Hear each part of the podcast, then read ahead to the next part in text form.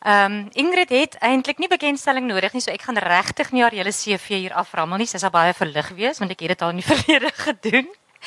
Vlakwater is haar 11de roman. En Ingrid het al met haar 10 romans wat voorheen verskyn het, al die belangrike pryse in Afrikaans gewen. Onder meer die Mnet-prys, die Universiteit van Johannesburg se prys vir kreatiewe skryfwerk en die Hertzogprys, die grootte het sy sommer twee keer gewen. Ehm dit is aan haar toegeken vir Niggie en vir die aanspraak van lewende wesens. Verskeie van Ingrid se boeke is ook in Nederlands ehm en in Engels vertaal. Haar ehm Engelse uitgewer by Buiten Human Resource in Suid-Afrika is in uh, Amerika. En na die vertaling, die Franse vertaling van Caroline Ferreira het 'n paar maande gelede eh, verskyn by Editions Phoebus. En haar, ons het die vreugde dat haar vertaler hier in die gehoor sit. Pierre-Marie Finkelstein sit hier reg voor ons. Hy doen ongelooflike werk vir Afrikaanse boeke deur hulle vertalings in Frans. Ehm so dit is ook vir ons baie lekker. Die resensente beskryf Vlakwater as een van die hoogtepunte in Ingrid se oeuvre. En Ingrid se gespreksgenoot vanoggend professor Louise Viljoen van die Universiteit van Stellenbosch het Vlakwater beskryf as die produk van 'n romanskrywer wat volkome in beheer is van haar vak. Ingrid en Louise, baie dankie dat julle hier is. Ons sien baie daarna uit om na julle te luister en ek oorhandig nou graag aan julle. Dankie. Baie dankie uh, Marga en dankie Ingrid dat ek met jou die gesprek kan voer. Uh Vlakwater was weer 'n wonderlike leeservaring.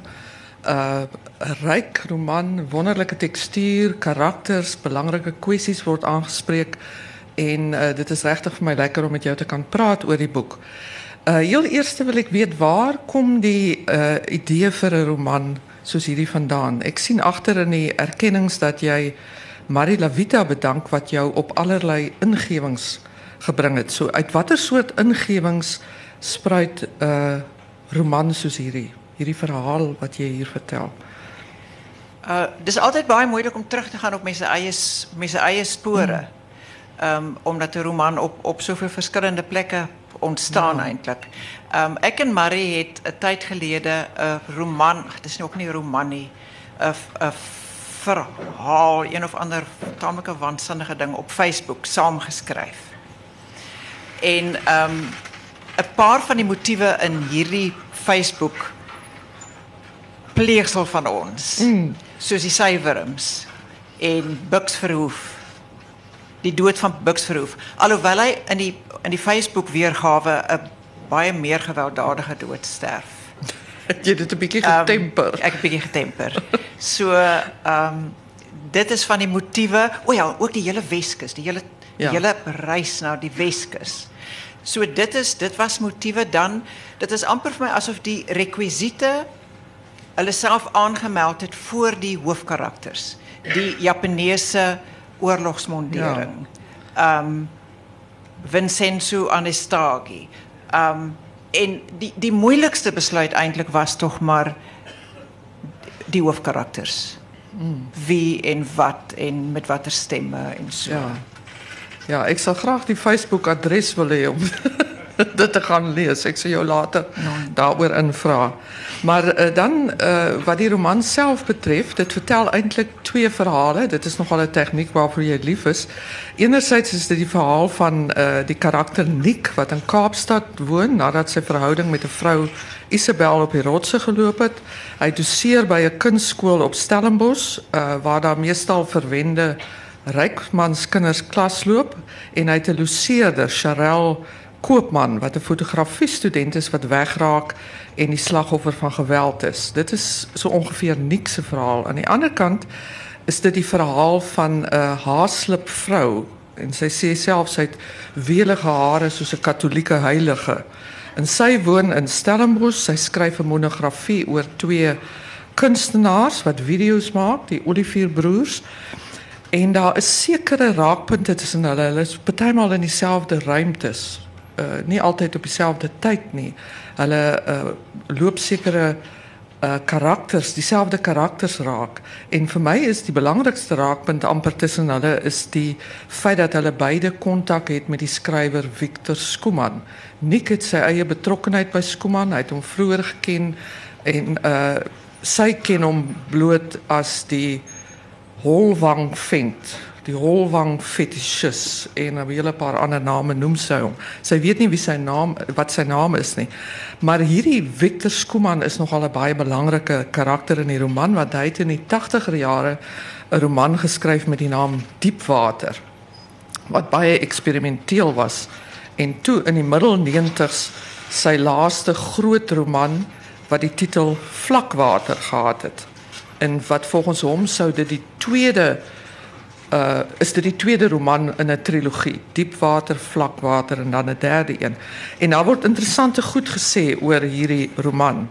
Ehm Vlakwater was 'n distopiese toekomsvisie, 'n apokaliptiese vermenging van die historiese Suid-Afrikaanse verlede, 'n massief oordrewe hede en 'n wetenskap-fiksieagtige toekoms.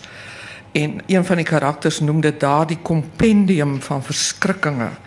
En 'n ander uh, karakter sê kyk maar na vlak klap vlakwater. Victor hou van ongewone invalshoeke. Hy hou daarvan om te kompliseer.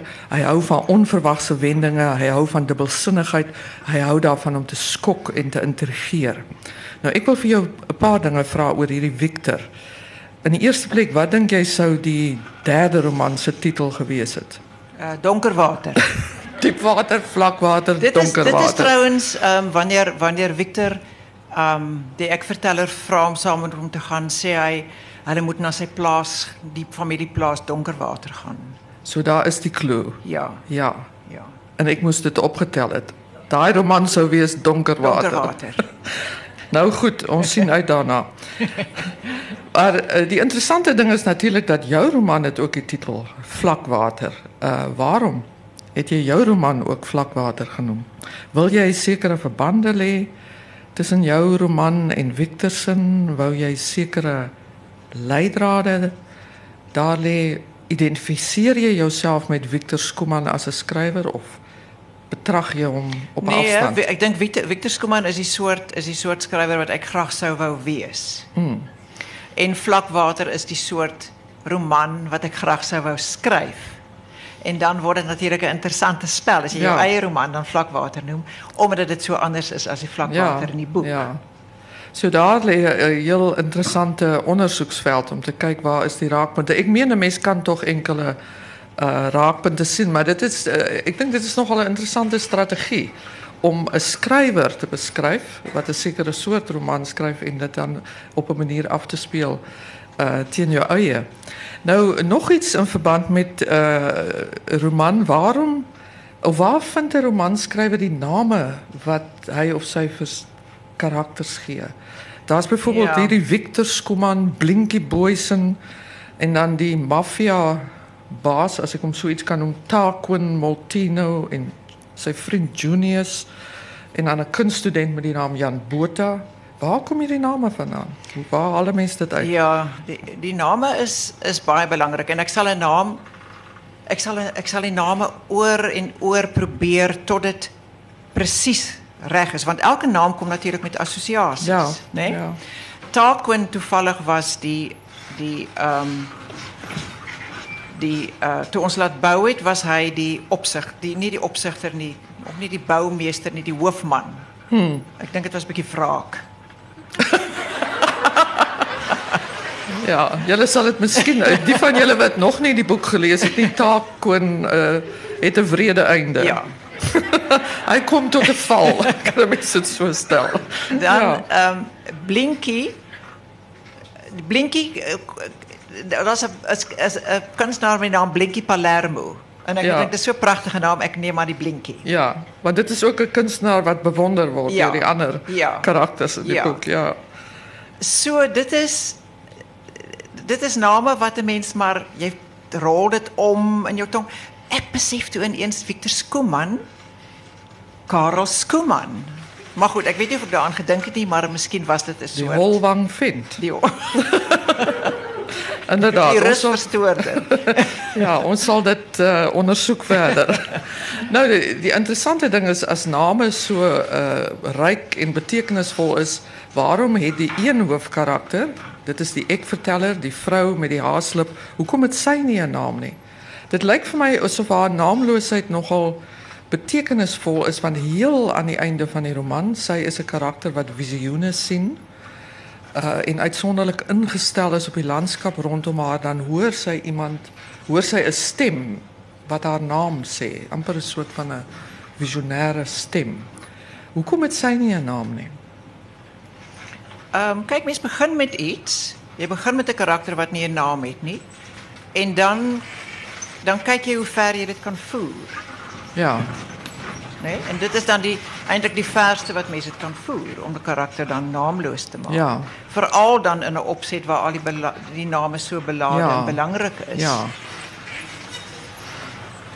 En So- dan is dit jy met die die persoon wat sy aanspreek is dan natuurlik ook naamloos. Ja. Ja, die geliefde vriend wat gesterf het. En, en nee, Eh, Die die die die gestorwene se vriend, Ja. se partner. ja. is de, ja. Is dan so ook ja, naamloos. eh, dit gee dan ook 'n sekere soort van 'n tekstuur aan die roman waar wat nogal ryk aan name is. Ja. Aan betekenisvol name hierdie een karakter of twee karakters dan wat nie name Ja. het nie. En uh dit is natuurlik dan ook interessant dat wanneer sy en Victor Skuman mekaar ontmoet dan uh gee hulle vir mekaar valsname. Ja. sodat daar hierdie soort van spel met valsname ook is. Ja. Daar's name, naamloosheid en valsname valsname, ja. in die roman. Ja. Uh wil jy iets oor die valsname sê? Want Victor is natuurlik 'n verskriklike kalant? Nee? Ja, En hy het alreeds 'n valsnaam gebruik as hy die poskaart skryf vir Nick. ja. Dan gebruik hy die naam Vincenzo Anastasi. Ja. En dan sê hy stel homself voor as Wins? Nee? Mm. Nou die die ek verteller is natuurlik self 'n kalant. Ja. So baie sy's baie vinnig om Ja. ook nie haar haar ware naam, te haar naam nie. te gee nie. Ja, nee. Sy Sy- is sy's nogal streetwise. Ja. Sy weet sy het te doen met 'n kalant en dan Ja. noem sy haarself Magdalena Kloete. Ja. Goed, Ja. nou uh, as mens dink aan die aan die ruimtes in die roman Stellenbosch is nogal 'n belangrike ruimte. Dele van die roman speel af in Kaapstad, ander in die Oos-Kaap en in die Weskus dorpe. Maar Stellenbosch is eintlik die plek wat die felste reaksies ontlok. Die Haaslip vrou sê die dorp is mooi maar weersinwekkend. Sy vind ook die dorp bevreemdend en sy ervaar dit as 'n verraderlike plek. So daar word hierdie goed gesê. En ook Nick verkies eintlik ehm vir Woodstock waar hy 'n ateljee bo sy die woonbuurt Tamboerskloof. Ek het afgelei dis Tamboerskloof waar hy woon of of Stellenbosch waar hy dan nou werk by die kunstskool. En Victor is ook so 'n bietjie smalend oor daardie pragtige ou dorpie.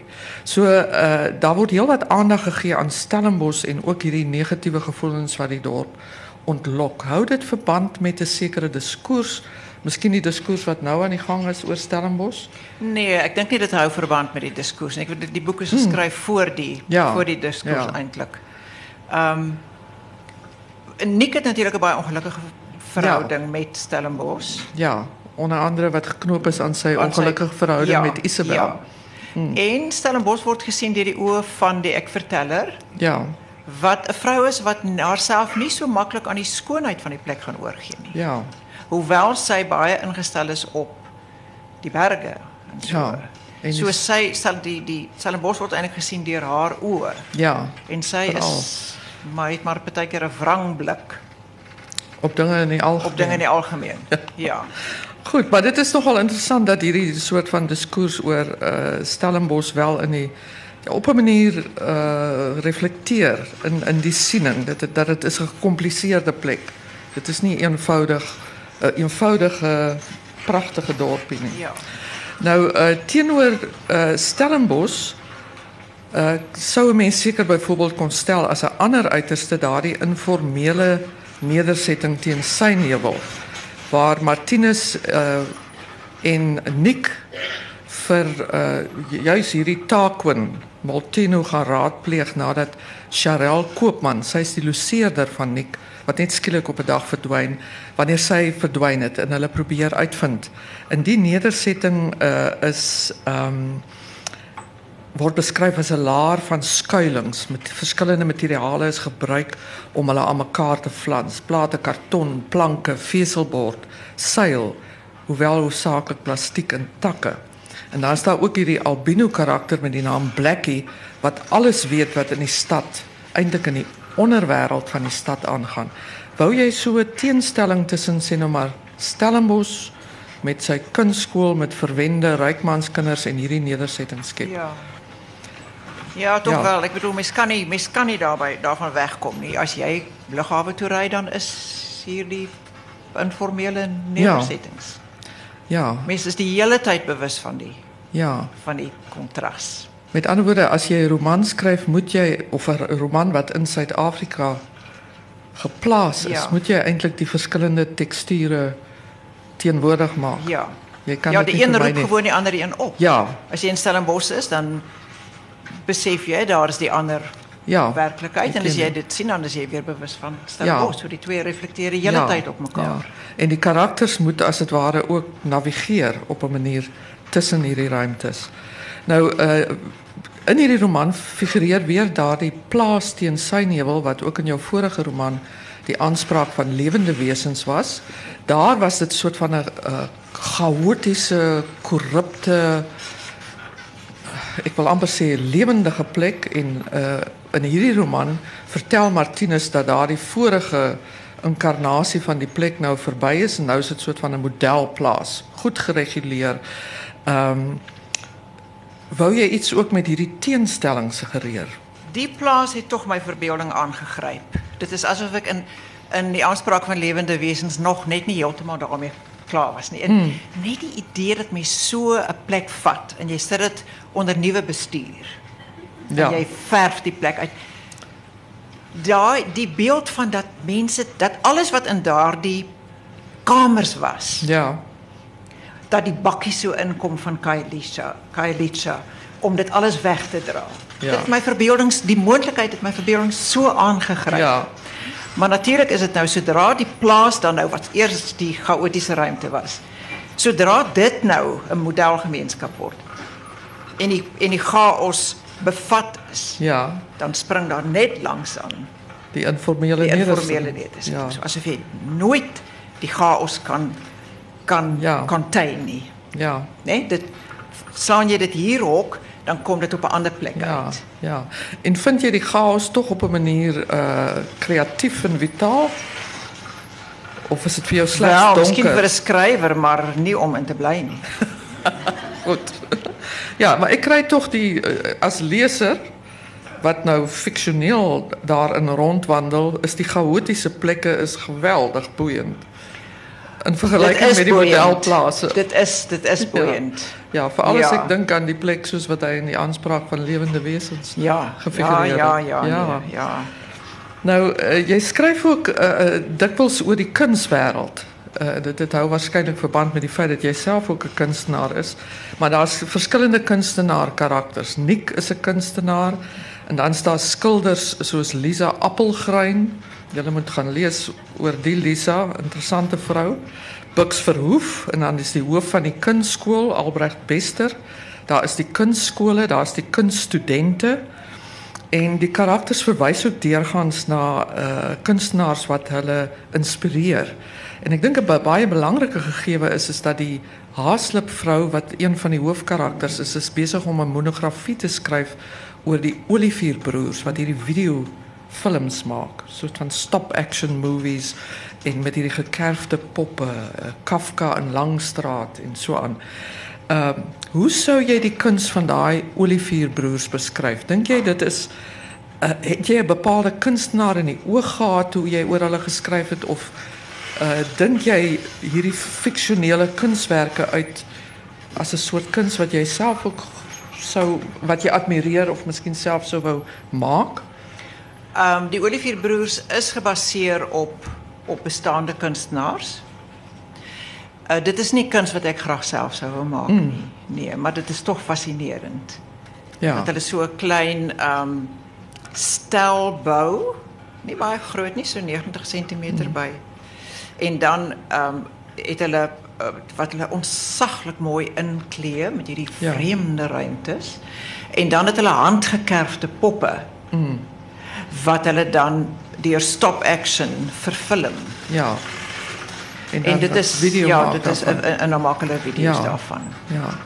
So dit is 'n karakter soos hierdie fiksionele kunstenaars is ook 'n manier waarop jy as dit ware ander kunsvorme eksploreer as 'n skrywer. Ja, Ja. ja. Ek kan nie ek wil so graag wegbly van die kuns.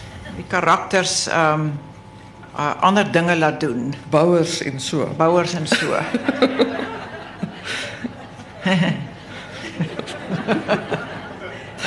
Goed. Uh die uh deel van hierdie fokus op die kunswêreld is dat die karakter Nick uh klas gee by so 'n private kunstskool in Stellenbosch. En aan die een kant het hy daar hierdie kunststudente wat uit 'n baie f- bevoorregte omgewing kom. Maar aan die ander kant het jy dan weer uh ander kunststudente soos Charel Koopman wat uit 'n uh armoedige omgewing wat hard moes werk om uh geld bymekaar te maak sodat sy kan studeer en 'n karakter soos Jan Botha wat by die Lykshuis in Soutrivier werk. Ehm wat 'n ander soort kunststudent is. Wou jy 'n kommentaar lewer op die op die impak wat 'n soort uh oordrewe verbruikerskultuur op kreatiwiteit het. Want die kunststudente die ryk en verwende kunststudente se werk is redelik of nik voel dit anders redelik fitloos maar hierdie ander karakters het iets lewendig. Charel en Jan Botha wat hy admireer. Wou jy so 'n soort kommentaar eintlik lewer op op uh die plekke waar kreatiwiteit kan ontstaan en gedei Ja, kyk, ehm um, die verbruikerskultuur en welvaart het natuurlik twee kante, hè. Dit kan ehm um, dit kan lei by jong mense, studente en so tot tot uh, dis dis dis afleiding tot distraction, hè. ja Maar dit bied natuurlik ook moontlikheid Mm. van reis en sien en blootstelling aan aan 'n wye wêreld. Ehm um, dink dat Nick uit die staanspoor nie daar wou wees nie. En dat Ja. hy toevallig by hierdie hierdie meisie as sy student het. ja né? Caroline Karlien. ja Nou Karlien het alles. Karlien het die lyf, Karlien het die hare, Karlien het alles. Sy het die hondjies, sy het die perde, sy het alles. die ma en die pa Die ma en die pa. En maar die ou end, ten spyte van hierdie hierdie blandheid, hierdie fitloosheid van haar, waarna is sy aangetrokke? Satanisme, mm. né? Nee? So sy gaan soek haar ja En dit is daarom nie net almal is daarom nie Ja. net ehm um, nie nie, Ja. ja. nie nie goeie studente nie. Daar is op die ouend kry jy so so 'n 'n 'n rooi kop, ja nee, as hy nou nuwe studente so kry. in die trant van Lisa Appelgren ja, en hy moet erken dat die meisie het tog wel miskien iets. Ja. En hy het Jan Botha wat 'n goeie Ja. student is Ja. en aan die begin die student wat die wat die vreemde goed eh, beelde ook maak. Ja. So dis daarom nie net almal Ja. Maar dit is tog 'n- vir my 'n interessante kommentaar eintlik op hierdie soort omgewing waarin mense se kreatiwiteit uh bestaan, waarin dit gewaardeer dit gevoed word en wat dit is wat dit as dit ware prikkel ensovoorts. Ja. So ek dink dis 'n baie interessante aspek uh van die boek. As 'n mens na uh, ander uh, aspekte gaan, byvoorbeeld die uh, ek dink 'n mens kan dit nie miskyk dat geweld nogal 'n sterk rol speel in hierdie roman nie. Mense word uh, doodgeskiet, die vroue kry seer. Nick maak hierdie skilderye wat geweldig gewelddadig is waarin veral manlike figure mekaar geweld aandoen en sy vriendin Isabel is eintlik volkome gewaag eintlik daardeur en ontstel daardeur amper getraumatiseer uh daardeur. Nou sien jy jou fiksie uh as 'n geleentheid om te besin oor geweld in die samelewing en uh het jy sekere idees oor wat geweld ja, is dit slegs destruktief? Is daar 'n kre- kreatiewe kant aan geweld soos wat sommige filosowe sou beweer? Ehm Louise, ek dink nie dat mens ooit 'n boek dat mens nooit 'n 'n roman benader as 'n geleentheid om te besin oor iets. Ja. temas interesseer 'n mens. Dis asof dis ook nie eers asof temas mense interesseer nie. Ehm um, dinge ontstaan in die roman, motiewe Ja. ontstaan in die roman. Geweld is een van die motiewe wat ons wat ontstaan het. En ek dink dat om 'n romanskrywer te wees en en en op 'n manier reflekteer 'n mens die samelewing. Dit is amper onmoontlik om nie Ja. geweld te skryf. Ja. Nou, in die sin is geweld seker 'n uh, 'n 'n goeie kreatiewe voedingsbodem vir 'n skrywer. Maar om die slagoffer te wees van geweld. Dit is 'n ander storie. Ja. Ja, en daar is daar is nogal in hierdie boeke 'n hele aantal mense wat die slagoffers van geweld is. Ja. En ek dink veral natuurlik uh die vroue karakters. En en die twee wat uitstaan is natuurlik die student Charel koopman wat verkragt word en dan die haaslip vrou wat 'n sekere insident in haar verlede het waar daar iemand is wat hom seksueel op haar wou afforceer. Maar dit is nogal interessant hoe hierdie vroue reageer op geweld. Ja. Ja, wat wil jy daarmee uh sê? Of hoe uh is die karakteropset eintlik gerig daarop om uh, hulle teen die geweld te laat reageer? Ja, kyk, dis altyd twee, dis altyd twee twee sterk en weerbare vroue. Ja. Ehm die die die insident bly die ek verteller tog by. En Ja. is die dat sy teruggaan na die man. Ja. Ja. So dit het dit het 'n uh, sekere traumatiese neerslag Ja. in haar siege. Ja. Charel is minder gelukkig want sy word verkrag. Ja. En weet jy dit was my dit was vir my ontsettend moeilik om 'n karakter om te skryf dat sy verkrag word. Mm. En dat sy dan in haar eie woorde ook vertel hoe dit gebeur het. Ja. Dit was was regtig vir my moeilik. Dis mm. amper asof ek die karakter dit wou spaar. Ja. Maar dit is ook asof Charel tog op 'n manier uh handel daarmee. Dat Ja. dat sy 'n sekere Ja. soort weerbaarheid het. Ja. Uiteindelik uh sy is eintlik sterker as 'n karakter soos Nick uh wat dit betref. Ja. Ja, Nick Nick is geskok dat Ja. sy dat sy wat so soveel talent het, Ja. dat sy dit gewoon wil los. Ja. En wil gaan verpleeg. Hy sê hoe kan jy dit doen? Ja. En uh die die uh uh is iemand wat haarself baie kragtig kan verweer. Ja. uh teen hierdie poging om haar uh uh seksueel te victimiseer. Ja. Maar soos jy sê daar bly die, die neerslag is daar en sy wil eintlik tog op 'n manier uh terugkeer na die Ja. man wat dit aan haar Ja. gedoen het Ja. en hom konfronteer Ja. daarmee. Ja. Goed, so uh nog 'n vraag in verband met die uitbeelding van vriendskap uh in hierdie boek. Ek het uh, nou onlangs Hania Yanagihara se boek gelees, A Little Life. Uh en ook 'n onderhoud wat sy daar uh, wat sy daarna gevoer het waarin sy sê vriendskappe interesseer haar eintlik veel meer as seksuele verhoudings. Want daardie roman gaan oor die vriendskap tussen vier uh mans. Uh en ehm hierdie roman, dit het my opgeval dat hierdie roman gee ook nogal 'n beeld uh van verskillende vriendskappe. Nick het byvoorbeeld uh die vriend Martinus wat 'n baie interessante en simpatieke karakter in die boek is. Uh die verteller het uh die naamlose vriend, sy het ook vir Willem Weppener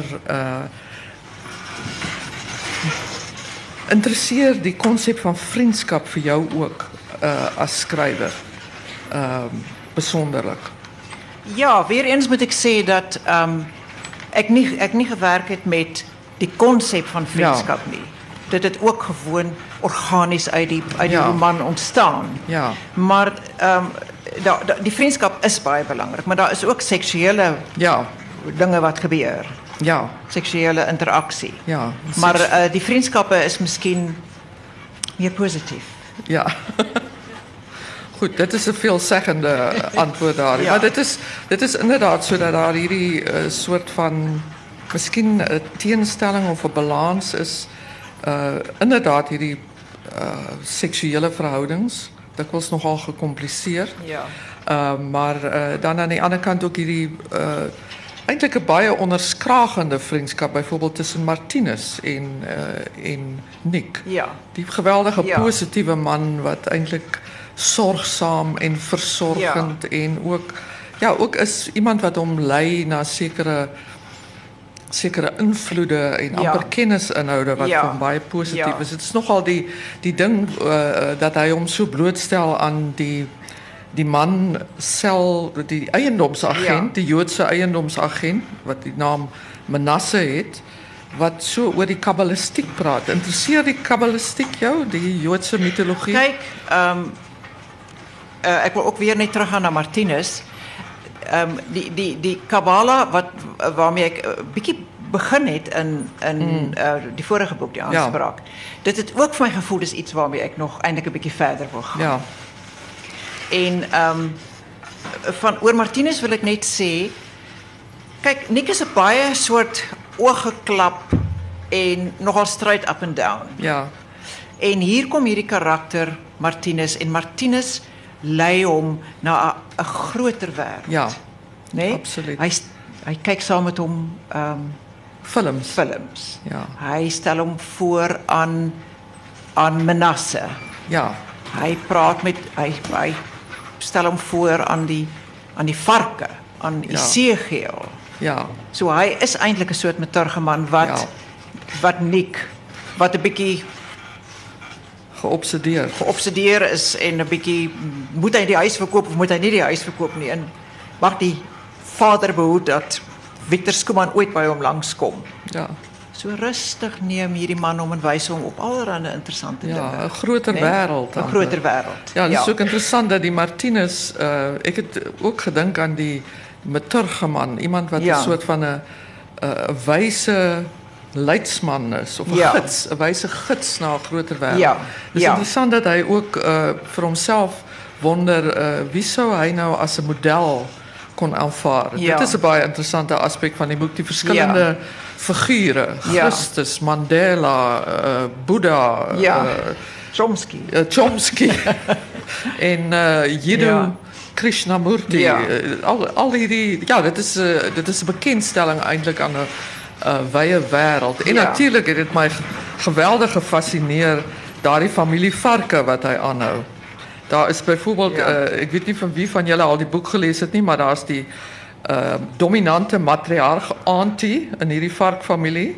Daar's die nobele en gewigtige president Burgers en dan die eie eie sinnige Batsiba en die jong beer Josef wat baie gretig is om te please en baie inprentbaar is nog en die jong sog Dolly wat nog haar voete moet vind. Nou hierdie familietjie varke. Daar is tog iets daar agter. Wil jy wil jy ons 'n leidraad gee? Hoe ken jy weet jy iets van varke? Hoe ken jy varke? Waar het jy studeer oor varke? Kyk. Ek sien ek is baie geïnteresseerd. Ja, jy weet as 'n mens 'n kind is in 'n Christelik nasionale skool, dan hoor jy van jongs af van die varke. Dit het my altyd so geboei as 'n kind die verlore seun wat skille met die varke gevreet het. Ja. Want ek kon ek nie geweet wat ek my daarbey moet voorstel nie. Jy weet wat 'n soort skille is dit? Is dit pampoenskille? Ja, of lemoenskille. Lemoenskille. Jy weet dit, was altyd dit het my dit my regtig gefassineer. Ja. En natuurlik ook die die varke van Gadara. Ja. Jy weet die die drama van die varke, Ja. van die demone wat dan in die varke, die varke inval. en vaar ja. En ehm um, my pa het het inderdaad varke gehad. My pa het inderdaad varke gehad, maar dit was in sy lewe voor voor ons op die toneel Ja. verskyn het. Ehm um, deur sy toe doen natuurlik. Hy het 'n rol gespeel. Hy het 'n rol gespeel. En toe ons die ons huis laat bou het, het ons hierso by Rosendaal gewoon en daar was 'n vark. En dit was die model vir Batsiba. Is dit? En 'n vark is het tog 'n ander uitstraling as 'n skaap, nê? Nee? Ja. 'n Vark het 'n beslis. soort eie 'n eie agenda. So Ja. ek is ek is nogal gefassineer deur Ja, varke. Ja, ja. en hulle is blykbaar baie intelligent ook. Ja, dit het So ek, ek al gehoor. Dit ons die vark nogal dopgehou terwyl ek Mm. die boek geskryf het. Ja. So, nou weet ons waar die varke vandaan Ja. wonderlijk. Dan uh, misschien een laatste vraag. Um, in die roman uh, wordt daar verwijs naar een betekenisvolle incident tijdens Nick uh, en Isabel se reis naar New York. Nou, Isabel is een intens ongelukkige uh, persoon.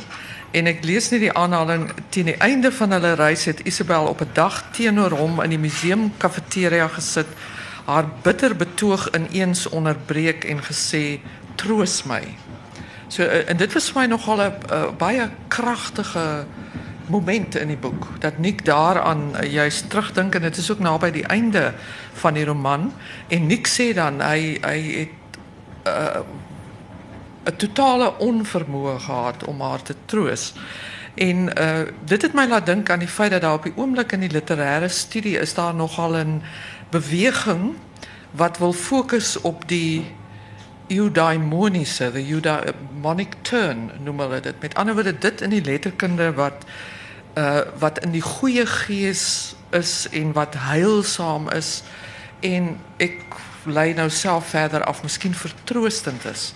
En jy het eintlik ook al in die boek van Toeval en Toeverlaat daaroor geskryf, die moment waar die hoofkarakter Helena uh verwys na James Coetzee se boek Age of Iron en dan sê sy die skrywer is eintlik meedoenloos. Hy weier om jou te troos. So ek ek sou graag wou weet wat ding, troos lyk dit my is 'n is 'n moment in hierdie boek wat uh, moet nadink daaroor as jy dit lees want hier kom dit so prominent na vore en ek het gedink hoe voel jy as skrywer daaroor in verband met 'n roman in verband met die letterkunde verwag jy dit van romans om jou te troos uh hoe dink jy daaroor al die romans en romanskrywers wat ek bewonder vind ek um soos Coetzee mm -hmm. is nie romans wat troos nie ja Dit is confronterende ja. romans. Dit is soos Coetzee meedoenloos. Dit is eintlik romans wat weier om te troos. Ja. En tog is die lees van 'n goeie roman 'n soort troos. Ja. Selfs al is dit uh, selfs al is hierdie meedoenloos of al is dit meedoenloos. Ja. So ek verwag nie om getroos te word nie. En ehm um, Ja, en ek bedoel Nick is dan ook hy kan die vrou nie troos nie. Ja. Hy ja, totale onvermoë. Ja. Uh, wat dink jy is die soort troos wat 'n mens kry uit 'n goeie roman, een wat werklik konfronterend is en wat kompleks is en wat weier om vir jou maklike antwoorde te gee? Wat is dit wat ek, mense aanspreek? Ek weet nie daarin? of het, ek weet nie of dit of dit of dit of dit ook of of mense dit eers troos kan noem nie. Ja. Dit is net dat ehm um, die bevrediging ja van 'n groot roman met die kompleksiteit daarvan ja met die vernuf die taalgebruik die wêreld wat dit oopmaak die die bewondering wat mense het vir die vir die verbeelding van die skrywer ja. van hoe ver die skrywer gaan ja dit alles is bevredigend. Misschien ja. niet troostryk nie, maar ja, wel bevredigend. Ja. Diep bevredigend. Ja. En ik denk ook voor mijzelf die die blootstelling aan groter wêrelde. Ek dink uh, daar is 'n skrywer amper vir my ook soos 'n maturgeman, soos ja. Martinus. Wys vir ja. jou hierdie groter wêrelde. Ja. Jy weet die die varkgesin, die kabbalistiek en die, die soort goed wat jy eintlik by skrywers leer ja. wat jou so diep uh, kan bevredig. Ja. En dit het ek in jou boek gevind. Miskien nie troos nie, maar bevrediging. Absolute dankie. bevrediging. Dankie Louise. Goed, uh, ons tyd is uh, vir my en Ingrid se gesprekstyd is verby. Nou is dit die geleentheid vir die gehoor om uh, vir Ingrid vrae te vra. Ingrid, die karakters in jou roman wat ek ook baie geniet het, uh is almal nogal naarstigtig naarstig naarstiglik op soek na raamwerke om te kan verstaan wat rondom hulle gebeur. Hulle soek na vashou plekke na uh een of ander stelsel van idees waarna hulle kan verwys om ehm um, te verstaan of dit nou Isegiel is en of dit nou die roman Vlakwater van Victor Skuman is. Sou jy maar maar dit lyk nie vir my asof dit enige een van hierdie raamwerke ehm um, standhou nie, né? Nee? Nie een van hulle slaag nie of of uh, is daar wel iets wat uh, troos bied of wat 'n vashou plek bied vir hierdie karakters? Bedoel jy vir die karakter self? Ja, ja. Ek dink die enigste karakter wat ehm um, wat eintlik eh, 'n vaste raamwerk het, is Martinus.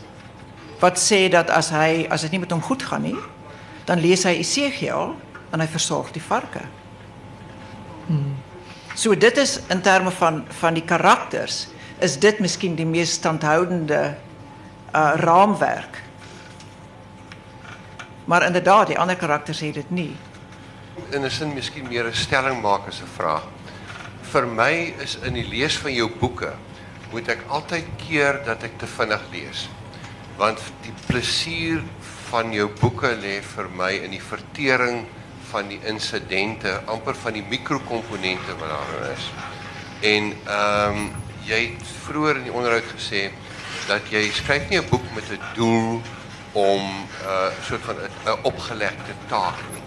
Ehm is dit is is dit dat 'n mens, jy weet in ek met hierdie boek het ek baie moeite gedoen om die die die aanhalings na die kunste ook die moeite te doen om te kyk hoe lyk dit? Wat wat is dit presies waarna jy verwys? En ek het ek het meer vreugde uh uit die boek gekry as wat ek voorheen gekry het. Ek meen maar maar ek, ek sê nie dat die dat die voorboeke nie vir my nie vir my bevelig was nie. Bevelig het nie maar Wat se kommentaar het jy daaroor? Met ander woorde jy lees vir die plesier van die insident van waarin jy jouself amper wil uh om uh, ja iets iets in die voete. Kan jy daaroor kommentaar lewer asseblief? Wat dit is ehm um, uh dit is nou vanuit 'n lesersperspektief. So ek kan ek kan eintlik nie ek kan eintlik nie kommentaar lewer nie behalwe om te sê dankie. Ook 'n vraag vra in terme van lesersperspektief. Ek dink mense probeer 'n boek lees en die verskillende dele bymekaar sit. Um sou eintlik graag wil of jy wil adviseer dat mense aan die einde maar net vir jouself sê wel die twee goed kom nie bymekaar nie. Um meer spesifieke voorbeeld die Weskus reis wat hy dan Karlien se ma ontmoet en daar 'n sekere insident Uh, moet mens dit dan koppel as 'n afsluiting van die hele Karlien insident of is dit iets wat heeltemal apart is in terme van die storielyn? Ehm um, hy nee maar hy ontmoet weer vir Karlien en die moeder. Mm. En dit is dit is dan 'n soort van die laaste ontmoeting. Dit dit ehm um, uh wat wat die narratief betref, is dit dan die afsluiting. As hy hulle dan weer ontmoet. Ek sal probeer nou maar nie aanval nie, maar dan eerder want dit is altyd 'n beter tegniek Ingrid. Um, die troos waarvan jullie gepraat het aan die einde, uh, dat daar een behoefte is om, uit te roepen, troos mij, of dan dat daar die meedoenloosheid is, zoals wat je beschrijft van uh, J.M. Coetzee en zo aan.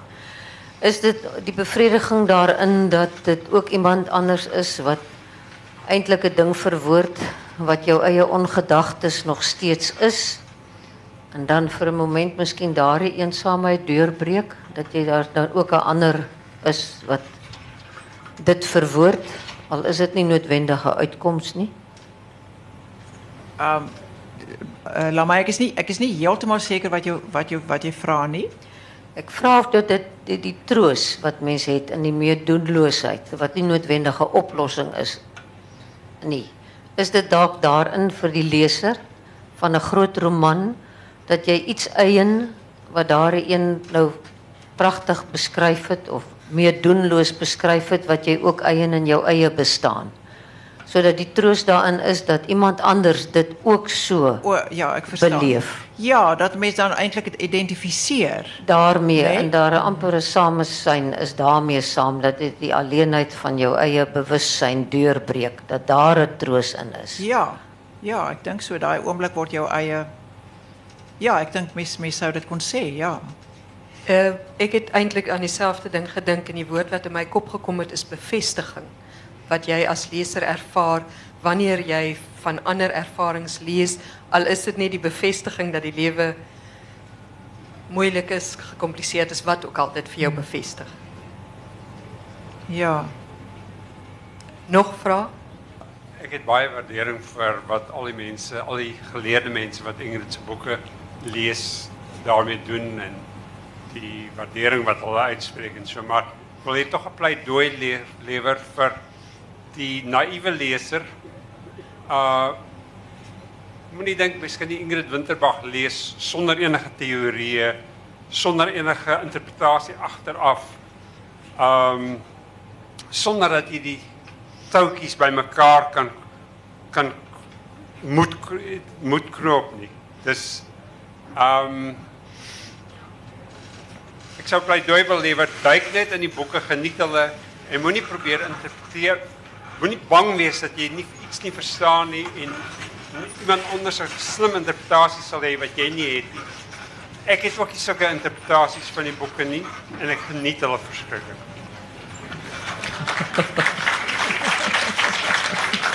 O, oh, Andries was nou baie versigtig want hy weet die skeybriewe is gereed, né?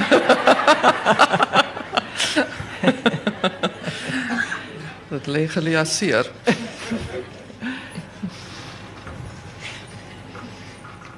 Maar ek het ook altyd die gevoel dat dat 'n mens wat ek in die boek sit in terme van verwysing, sê maar na kuns, Ja. na na literatuur, dat dit nie nodig is vir die leser om dit te gaan naspeur nie.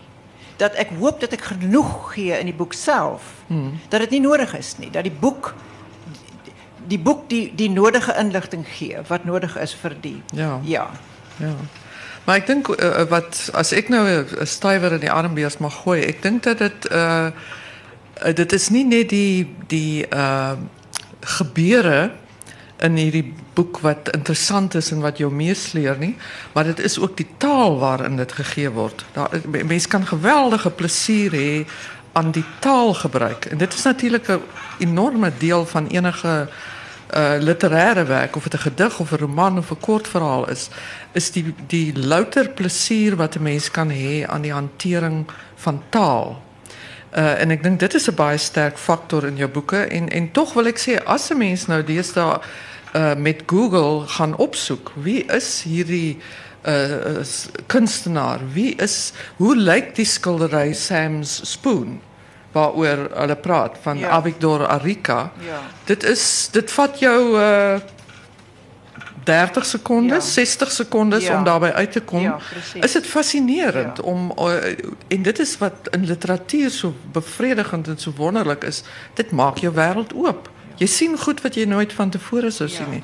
En uh soos wat Lamay sê, jy jy vind bevestiging in 'n sekere sin. Dit troos jou dat jy sien daar is ander mense wat die wêreld kompleks ervaar, maar dit maak ook jou wêreld oop. Ja. Uh dit you read not only to confirm yourself but to discover another. Ja. Iets groter. Ja. En dit vind ek wonderlik van jou boeke. Ek het al hoeveel skilders na gaan kyk wat jy genoem het wat ek nie geken het nie. Wow, hier sien ek 'n nuwe skildery. Dit was my baie mooi na die boek van toeval hoeveel mense vir my gesê het hulle het vir 'n skulp gaan koop. Ja, ja. Nog 'n dapper persoon? Ek dink nie ek wil nie 'n vraag vra nie, maar dit is as ek nou kyk in ons platlandse bloek of boekeklub is daar weerstand teen jou boeke. Intense weerstand. En ek dink die die konklusie waartoe ons gekom het was dat dit amper soos woordtapisserie is wat vir jou die wêreld spieël waarin ons leef en dat dit ook soos 'n stroom is wat jy net moet inklim en dan moet jy gaan. En dit is 'n fantastiese ontdekking van leer en van nuwe dinge weet. So dankie daarvoor. Dankie. Ek dink ek moet met 'n karavaan deur die platte land reis. Nog varkstories versamel? Ehm is die die die reis vir jou ehm van die skryf van elke roman anders? Of is die proses vir jou in terme van jy weet ehm die aflaaipaadjies wat jy volg of die jy weet die navorsing wat jy doen? Ehm voel jy jy weet met sekere romans meer jy vind troep vertroosting of ehm juist die teenoorgestelde? Wat is wat is jou reis? Is dit dieselfde met elke roman? Is dit anders ja. die een ding wat dieselfde bly is dat dit moeilik is. Dit bly altyd moeilik. En ek dink wat ehm as mense ek ek as jouself nie verras nie, dan dan dan uh, hoekom dan dan is dit onmoontlik om te skryf. So jy moet die hele tyd eintlik jou eie grense versit, probeer versit. En dis natuurlik dit raak al dit raak al moeiliker um, om dit te doen. So die proses raak nooit makliker nie. Ehm die jy moet na plekke gaan waar jy nog nie was nie. En as jy ek beskou myself as Ek wil net ja, dit is my baie mooi het nou gelees ehm dat dat James Coetzee sê dat as 'n mens ek dink hy amper het gesê as mens 'n meager lewe het, dan skryf jy meager boeke. Nou mens moet dit natuurlik ook met 'n knip sout vat as dit van hmm. Coetzee afkom en hy ry dan ten minste met 'n fiets rond. Ja. Maar ek dink altyd dat ek eintlik nogal 'n meager lewe het. So om dan die grense te versit, om nuwe dinge aan te vat, is is moeilik. Ja, daai begrip van meager sal meeste van ons mee verskil, maar be that as it may. Nog 'n laaste vraag. Ingrid, ek wil vir jou vra, die um tyd die tydvak waarin ons nou staan met Afrikaans en die druk op Afrikaans en die swartgalligheid wat ons dikwels voel met die pad vorentoe. Ek weet nie of almal bietjie swartgallig voel nie. Dalk meer oor akademiese Afrikaans.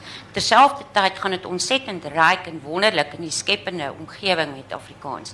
Maar vir jou as skrywer, is hierdie tyd opwindend? Is dit iets wat jou oh, bedruk, wat jy wonder hoe vorentoe, wie jou lesers is, hoe jy dit gaan aanpak, wat daardie reis? As jy dalk iets daaroor kan sê. Dis 'n tyd waaroor ek nie waaroor ek ek ek weet nie hoe om daaroor te dink nie. Ek ek vind dit baie moeilik. Ek vind dit um opwindend. Ek voel dit ek vind dit ontstellend. Ek vind dit verwarrend. Ek weet nie hoe ek myself eintlik moet posisioneer nie. En al wat ek op die ou end kan doen is maar teruggaan en skryf. Dis al wat ek eintlik kan doen. Maar hoe die pad vorentoe lyk, dit weet ek nie. Goed, dit lyk my daarmee is die gesprek afgehandel. Baie dankie Ingrid vir geweldige interessante insigte in jou werk. Dankie vir almal wat vrae gevra het. Dankie Louise vir jou vrae. Dit is 'n plesier.